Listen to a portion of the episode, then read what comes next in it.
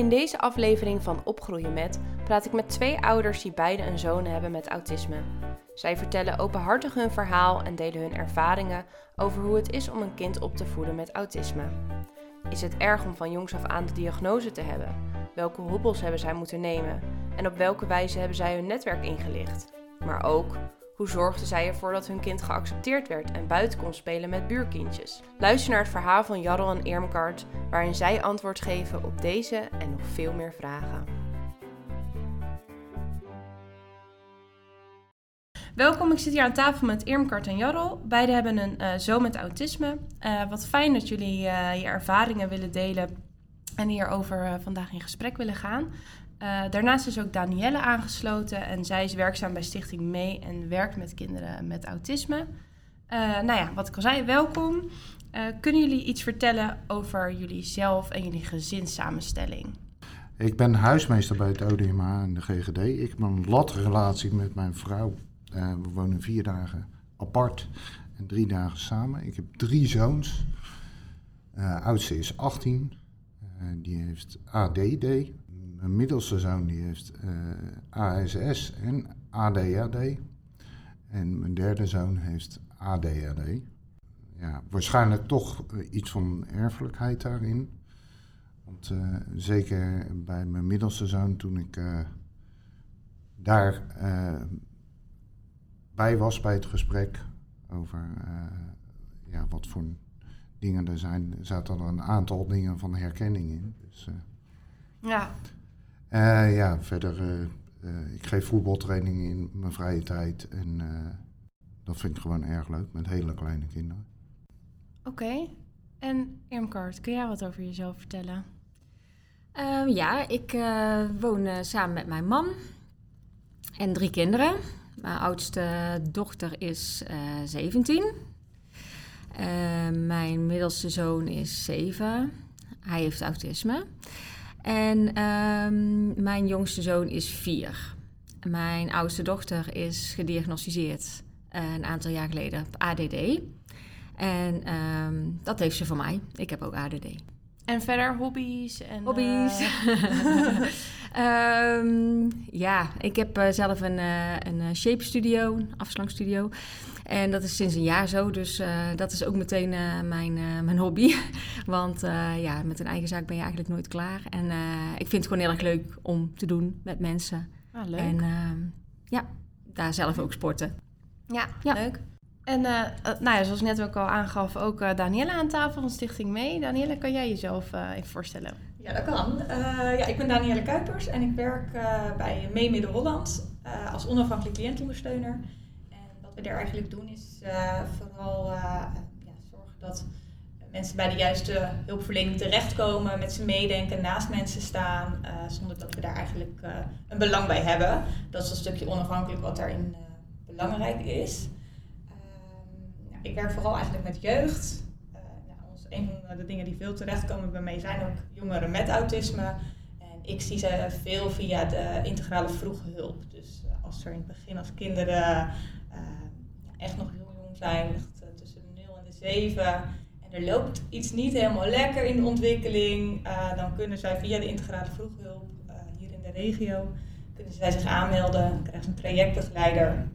Dat zou ik dan kunnen zijn. En ik kijk eigenlijk dan met ouders van nou, wat, wat speelt er? Hè, waar zit het hem in? Is het een stukje autisme of is dat het niet? Want dat hoeft natuurlijk helemaal niet per se. en met het uiteindelijke doel de integrale vroeghulp is dat we um, dat ouders gezien worden met hun kind op een poli, waarin een, kinderpsycholoog, een uh, kinderarts en een kinderrevalidatiearts kijken naar wat zien wij nou en wat zijn daarin de zorgen. Daarin zie ik heel regelmatig dat we toch richting de kant van autisme denken eigenlijk. Ja, dus dat, op dat gebied heb ik veel te maken ermee.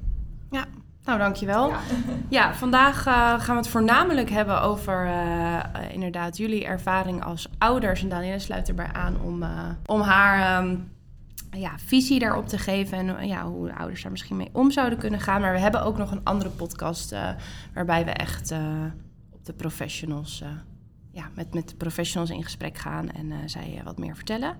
Nou goed, Jadde, je had het net al over van op een gegeven moment dat je op een gegeven moment zo'n herkenningspunt had. Dat je dacht van nou, dit zou wel autisme kunnen zijn. Weet je, mijn vader die had altijd redelijk teruggetrokken en zo. En, het was meer toen we de uitleg van de psycholoog kregen dat ik zoiets had. Hmm, er zitten wel wat overeenkomsten met hoe ik me gedraag naar mensen. Dus ik had zoiets, ja. Bij mij is nog ooit een diagnose of zo opgesteld. Dat, uh, toen ik jong was, gebeurde dat niet. En bij jou, Irmgard? Wat was bij jou het ehm, punt dat je dacht van... Ja, een soort van herkenningspunt... Uh... Nou, tussen mijn uh, dochter en mijn, mijn oudste zoon zit tien jaar. Dus ehm, ik had als... Ja, peuter had ik al zoiets van. Hij reageert anders dan dat je zou denken dat hij moest reageren. Uh, maar de meeste mensen zeggen dan van, nou, nou hij is nog zo klein en uh, kun je niks van zeggen. En als je vergelijkt met je dochter, dan uh, meisjes zijn anders en het is al lang geleden, nou, enzovoort, enzovoort. Dus, nou, in, in, feite hebben we daar dus niks mee gedaan. Het was ook meer een onderbuikgevoel. Um, uh, tot hij op uh, de, het kinderdagverblijf, uh, dat de leidster naar mij toe kwam en vroeg: zou ik Skip mogen observeren? Want hij, heeft, hij vertoont bepaald gedrag en wij vermoeden dat hij autisme heeft. Toen heb ik meteen ja gezegd, want ik had zoiets van: nou ja, help maar. als jullie het beter weten, dan graag. Nou, daar kwam dus uiteindelijk inderdaad uh, uit dat zij een vermoeden hadden, want zij mogen geen diagnose uh, geven. Dus uh, zij heeft toen geregeld dat wij naar Kiekeboe gingen. Voor, dat is een observatiekliniek voor kinderen in Woerden. En daar heeft hij drie maanden gezeten, ter observatie. Daar kwam inderdaad uit autisme je mag, ja, alles is nu ASS. maar is, het uh, spectrum? Ja. maar zij zeiden wel, je moet dan denken aan richting oude, klassiek autisme. Ehm, toen is hij naar UK gegaan. Dat is een speciale behandelgroep voor peuters. toen was hij drie. Ging hij met de taxi naar Leidse Rijn. En uh, heeft daar uh, gezeten totdat hij naar de basisschool mocht, totdat hij vier was. Dus gewoon eigenlijk een soort peuter, ja, peuterschoolklas. ja, maar dat is al inderdaad wel best wel, best wel jong. Ja, hij kreeg echt al de diagnose toen hij twee was. Zie je dat vaker, Danielle, of niet? Zo jong? Of wat zo'n beetje... Is, is wel echt vaak ingewikkeld, ook echt om het vast te stellen. Omdat Ehm, heel veel gedragingen die je ziet bij autisme, die zie je veel vaker bij een jong kind. Want die hebben altijd wel behoefte aan een bepaalde structuur. En dus dat is altijd heel ingewikkeld en daar zijn ze ook wel heel voorzichtig mee om het vast te stellen. Tenzij het echt heel duidelijk is, dan is het natuurlijk alleen maar mooi. Want dan kom je meteen op een goede plek, op een goede uh, ja, kinderopvang of eh, vorm daarvan. Waar ze aan kunnen sluiten. Dus ik denk dat het alleen maar wel heel fijn is dat jullie dat pad zo snel hebben kunnen bewandelen. Zeker, ja. Ja, ja. dat gebeurt niet altijd. Nee, nee. En, en, en wij kregen toen ook mee dat heel veel ouders het ook nog niet willen weten. Geen, uh, geen etiketje op hun kind willen hebben. En uh, gewoon zeggen dat ze meer tijd nodig hebben. Of, maar als het al zo jong, zo duidelijk is, dan denk ik dat je alleen je kind ermee hebt. Als je er niet op die manier dan ook ja, in meegaat ik denk dat omdat mijn zoon al vanaf jongs af aan de juiste begeleiding heeft gehad, aangepaste begeleiding, dat hij uh, een aantal trauma's die andere kinderen hebben opgelopen, dat hij die niet heeft. Zoals, uh, dat denk ik. Ik bedoel, dat weet ik dus niet, maar ik denk dat als hij naar een gewone basisschool was gegaan, omdat we het zo graag willen proberen, dat hij daar wel een knauw van zou hebben gekregen. Van het niet mee kunnen, achter de feiten aanlopen, misschien wel strijden. Ehm, dat soort dingen. Dus dat, in die zin zijn we daar zo open verstonden dan op dat moment. Hè? Dat is uh, ja, dat jullie ook eigenlijk die hulp wel zochten. En daarmee meteen uh, in die observatie van, de, van eigenlijk een KDV-leidster dat jullie zeggen van nou, dat willen, vinden we wel heel fijn om daar uh, een stukje bevestiging in, te krijgen. Ja. Ja. ja. hoe moeilijk het ook is natuurlijk om te horen, maar ja. ja. Ja, maar wat je zegt, denk dat je daarin alleen maar goed kan doen voor je kind. Ja, Ja. in, in eh, ons geval is, was het ook echt wel heel duidelijk. Dus Ja. ja, ja, Ja. dan is het alleen maar fijn als de diagnose gesteld kan worden. Ja. Ja. Ja, en je zei al van nou, het was, was moeilijk eh, toen je dat te horen kreeg. Wat voor gevoel had je daar verder bij? Nou, je weet niet zo goed wat je moet voorstellen. Autisme, ja. Je hebt allerlei, je kunt wel overlezen, maar je hebt allerlei eh, gradaties en eh, vormen en eh, soorten. En, ja, dus we wisten niet zo goed wat we moesten voorstellen. maar in eerste instantie is het wel een, een soort van rouwproces. Je hebt een bepaald beeld bij hoe kinderen zijn en hoe hun leven moet gaan lopen. En in het begin denk je alleen maar aan wat die allemaal niet zou kunnen. Mijn man zei op een gegeven moment: Oh, hij zal nooit eh, op voetbal gaan en dan met eh, de jongens eh, na afloop in de kantine een biertje drinken. Weet je, het, zijn hele simpele dingen waar je dan, ja, je denkt: Oh, ja, zijn leven is voorbij, maar was nog maar net begonnen eigenlijk. Het is meer je eigen verwachtingspatroon aanpassen, denk ik. Maar wij zijn daar wel heel goed in begeleid. Ook, wij hebben ook echt wel training, ja, ja, wel training gehad. Communicatietraining en hoe daarmee om te gaan. Eh, ook met het hele gezin, hoe daarmee om te gaan. Ehm, ja, en ook een soort rouwverwerking. En wat is jullie gevoel dan daarbij? Ik vind het eh, de maatschappij af en toe te. Alles moet te snel. En er wordt te snel een oordeel over iemand gegeven.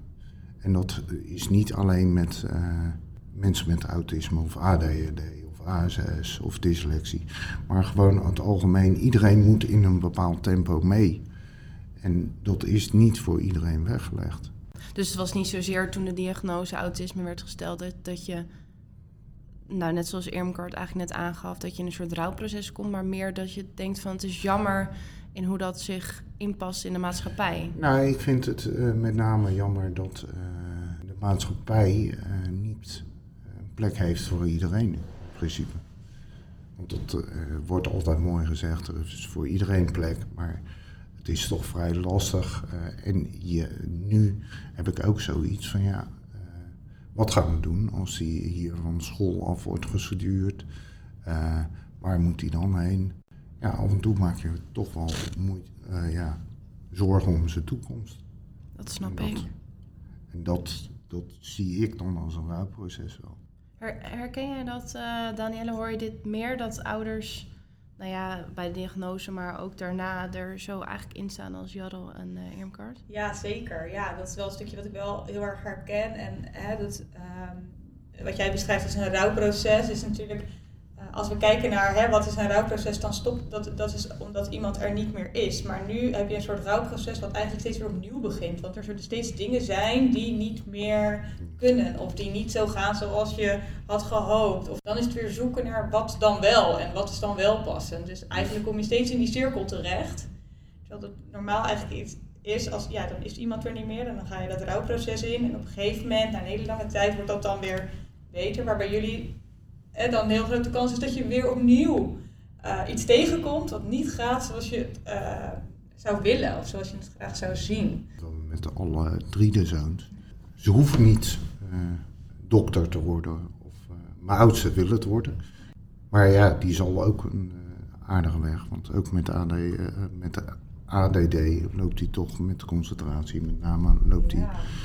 loopt het wel eens wat lastiger op school.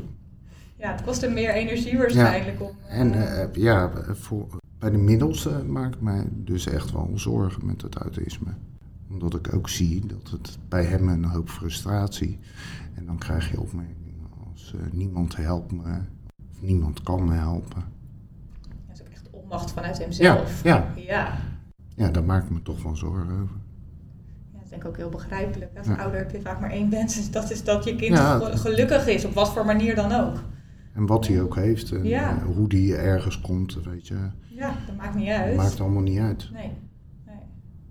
Alleen dat hij wel blij en gelukkig in zijn leven wordt. Ja, ja, en of dat dan Op zijn eh, op wat, ja, op wat voor werk of wat voor eh, manier van Ja. daginvulling dan ook, als het maar Dat maakt niet oké uit. is. Ja, Ja. als zij ja. er maar gelukkig en blij van wordt.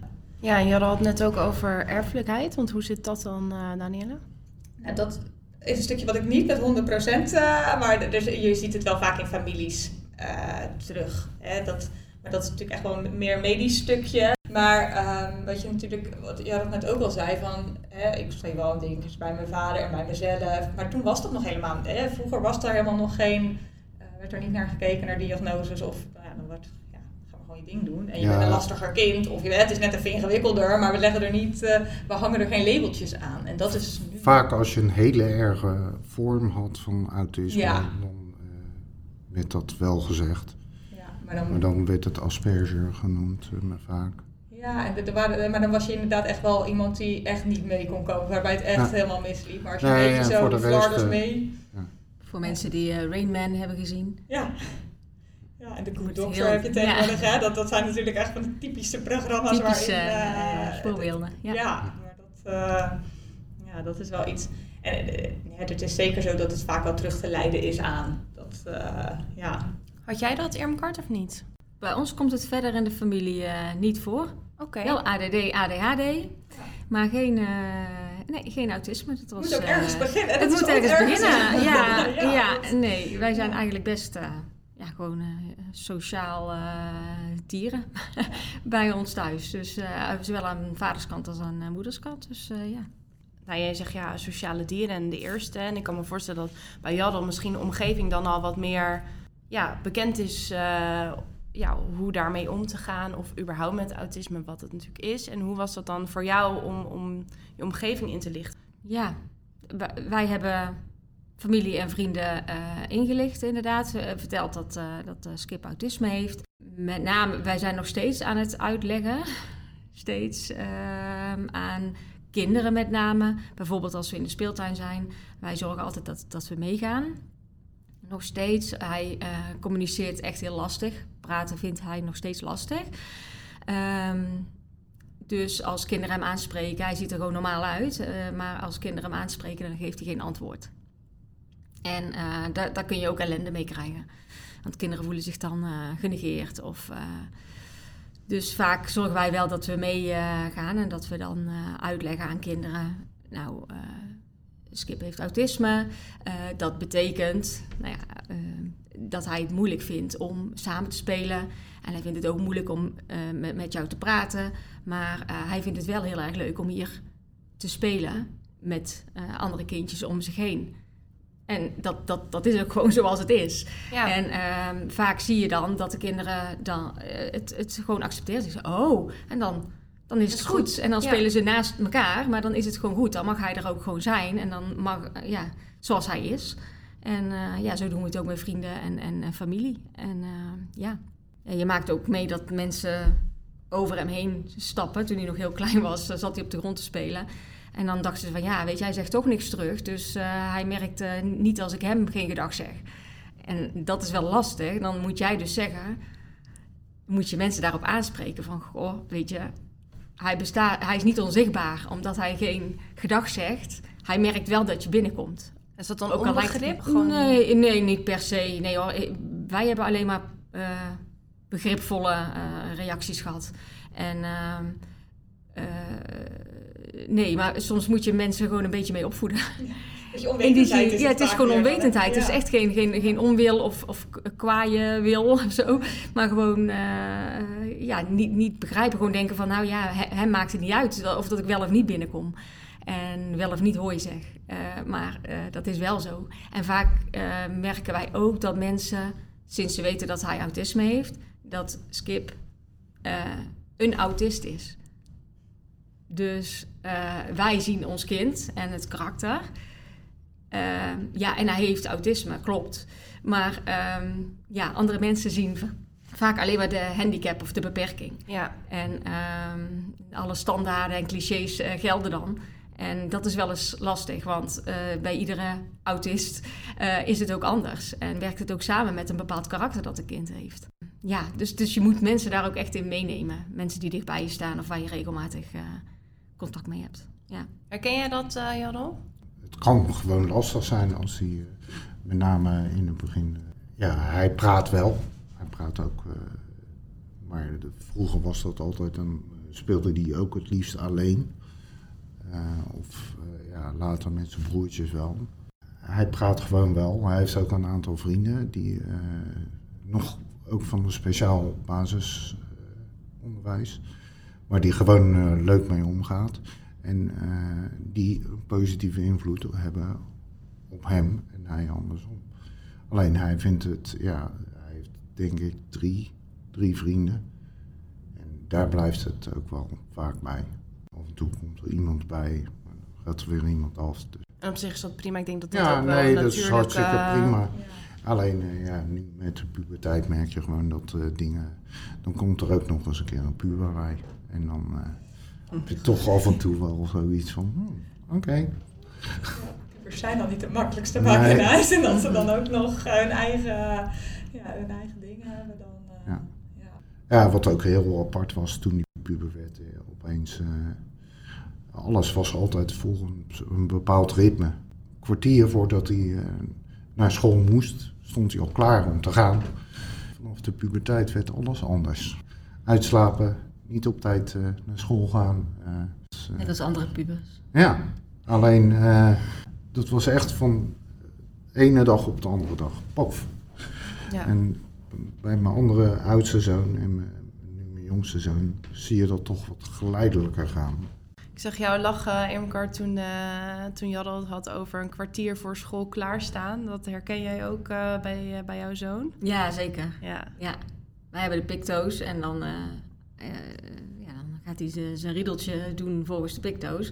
Ja, en klaar is klaar. Dus hij staat meestal al. Hij vindt het ook heel erg leuk om naar school te gaan. Dus hij staat echt te trappelen tot de taxi komt. Ja, een kwartier is dan best lang. ja. hebben wij ervaren. Maar goed, ja, dat is zoals het is. Ja. Precies. En als het voor hem dan werkt. Als het voor hem werkt, ja. dan is het prima. Ik kan het, uh, ja, kan hoog en laag springen, maar uh, ja, dan, uh, dan haal je hem alleen maar uit zijn, uit zijn ding en dan raakt hij overstuur. Ja, wat win je ermee? En zo leer je wel choose your battles. dat, dat is met ieder kind zo natuurlijk, maar ja, ja, in dit geval nog iets meer. En, en hoe verhoudt zeg maar dan de relatie, want jullie hebben natuurlijk allebei ook nog, uh, nog andere kinderen. Hoe verhoudt dan die relatie zeg maar tot elkaar? Um, ja, nou ja, mijn dochter was tien toen uh, Skip werd geboren. Dus ja, daar kun je dan al echt dingen aan uitleggen. En ja, die, die, die is er helemaal in meegegaan. Ook in, in de communicatietrainingen die we hebben gehad. Zij doet nu ook uh, een sociale studie, social work. En zij wil ook uh, orthopedagoog worden.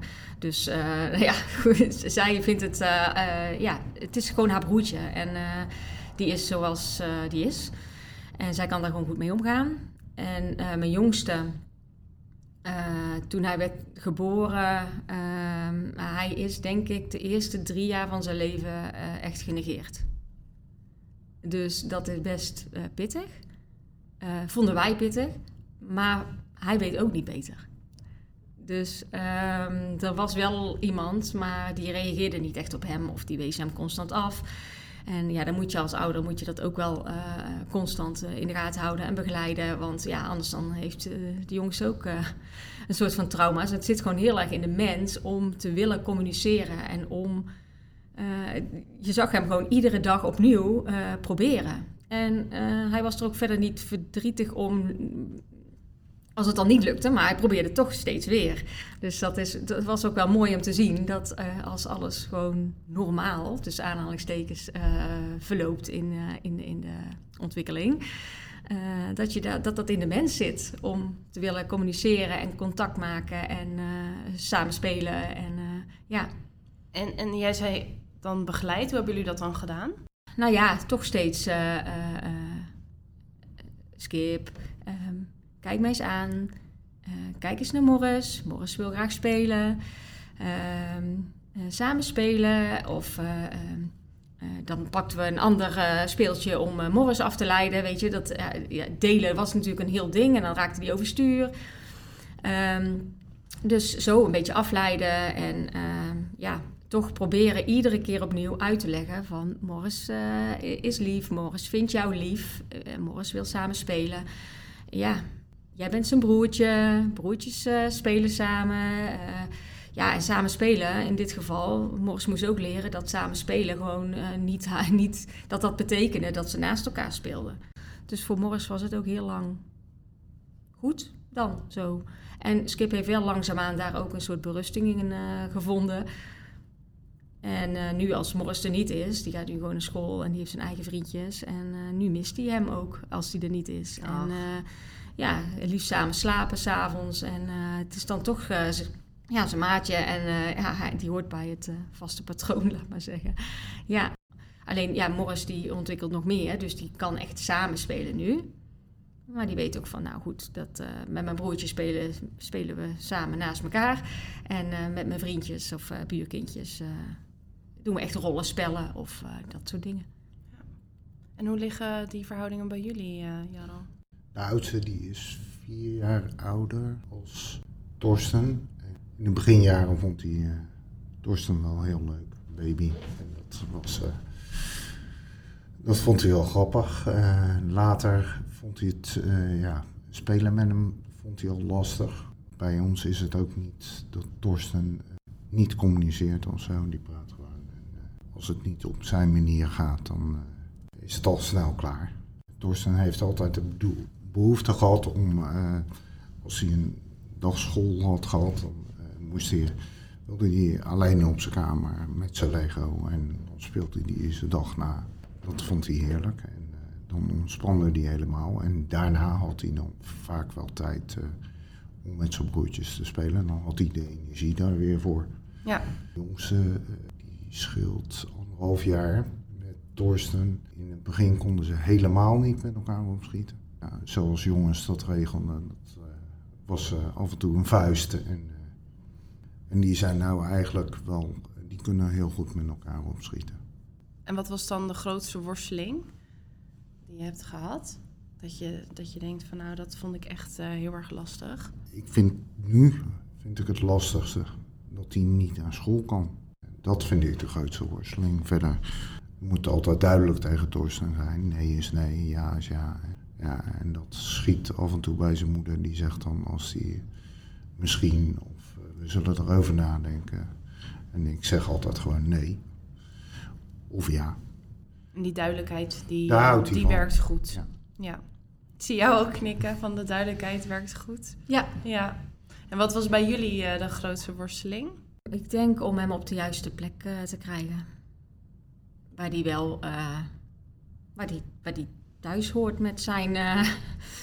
ja, je hebt scholen voor kinderen met autisme en daar komt hij niet naartoe, want hij praat niet. Um, hij heeft hele grote prikkelverwerkingsproblemen. Dus we hebben gekeken op een school voor kinderen met prikkelverwerkingsproblemen. Er zitten ook een aantal kinderen met autisme, maar ook daar was hij niet welkom, want dan moet je een IQ hebben van 75 plus, geloof ik. Of, nou ja, goed, en hij was, dat heeft hij wel. Intussen weten we dat. Alleen toen zei ze van ja, hij praat niet, hij is niet testbaar, niet goed genoeg testbaar. En dan, ja, dan weet je het niet. um, dus, uh, nou ja, goed, we hebben verschillende plekken gehad en uiteindelijk zit hij nu uh, op een school voor kinderen met een verstandelijke en of lichamelijke beperking. En hij is niet verstandelijk beperkt, maar hij functioneert wel het beste op deze plek. Zoektocht. het was wel een zoektocht en het heeft echt heel wat tranen gekost. Want het is voor zo'n kind, zeker voor een kind met autisme, echt heel lastig om steeds te moeten wennen ergens anders.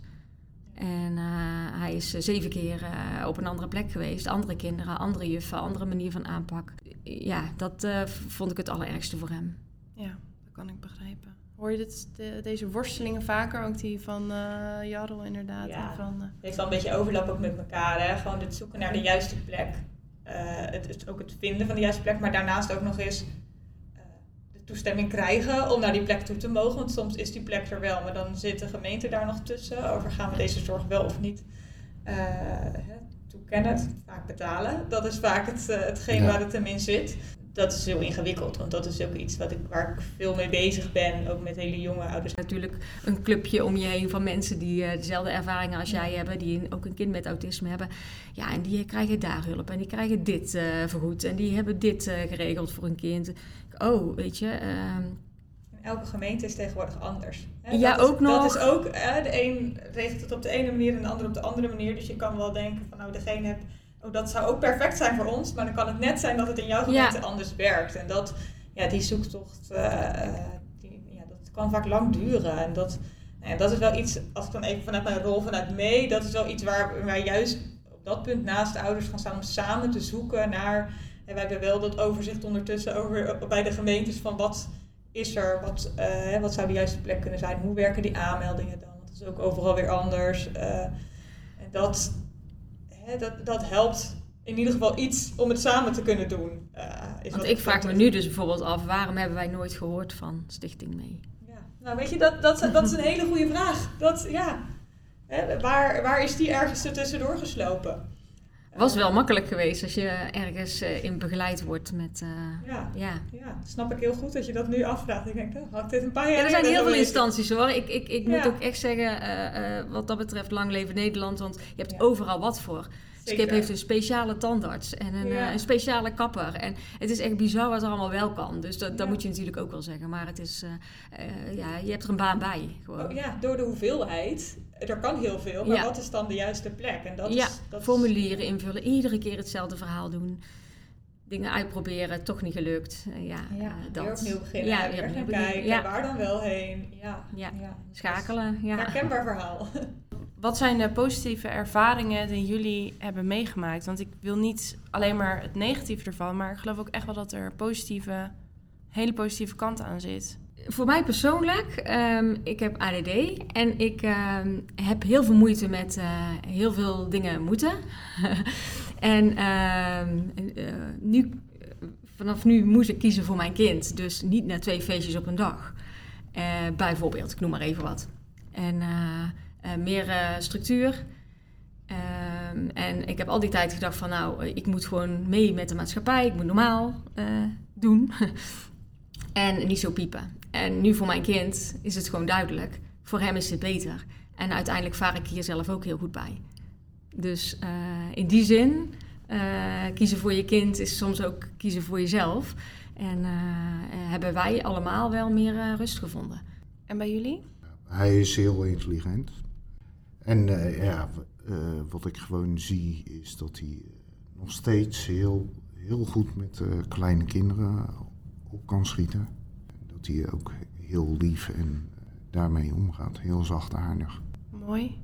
En is er dan afsluitend nog iets wat jullie andere ouders met een kind met autisme of met een vermoeden van autisme mee zouden willen geven? Ik denk dat je- laat je kind onderzoeken. Het liefst bij een specialist. En geef gewoon niet op. Welke obstakels je ook tegenkomt. Geef niet op. Het is voor je kind en dat is gewoon het belangrijkste. Ja, daar sluit ik me wel bij aan. Ik denk dat het belangrijk is dat je eh, vertrouwen blijft hebben. Je bent heel erg geneigd om te denken van nou, dit kan die allemaal niet. En eh, te denken, je hebt bepaalde verwachtingen, dat is gewoon menselijk. Maar met verwachtingen komen ook teleurstellingen. En ik denk dat je dat automatisch eh, overbrengt op je kind. Eh, terwijl je niet zozeer echt teleurgesteld bent in jouw kind natuurlijk, maar meer in de situatie of eh, eh, ja, het daar gewoon moeilijk mee hebt en altijd zorgen om maakt. Maar eh, ook die, die, die zorg en die, die druk die je bij jezelf voelt, dat is allemaal negativiteit eigenlijk. wat je overbrengt, spanning, wat je overbrengt op je kind. En ik denk dat het heel belangrijk is dat je kind zich heel erg veilig voelt en geaccepteerd voelt. En dat die eh, is wie die is en mag zijn wie die eh, is. Met alles wat daarbij komt. En eh, dat hij heel veel vertrouwen eh, krijgt. Dank jullie wel voor dit gesprek. Dit was een aflevering van de serie Opgroeien met. Vond je deze podcast leuk? Like deze dan door op het hartje te klikken en volg ons op Facebook en Instagram om op de hoogte te blijven van nieuwe podcasts. Wil je een reactie sturen of heb je een suggestie? Mail dan naar cggpodcast.ggdhm.nl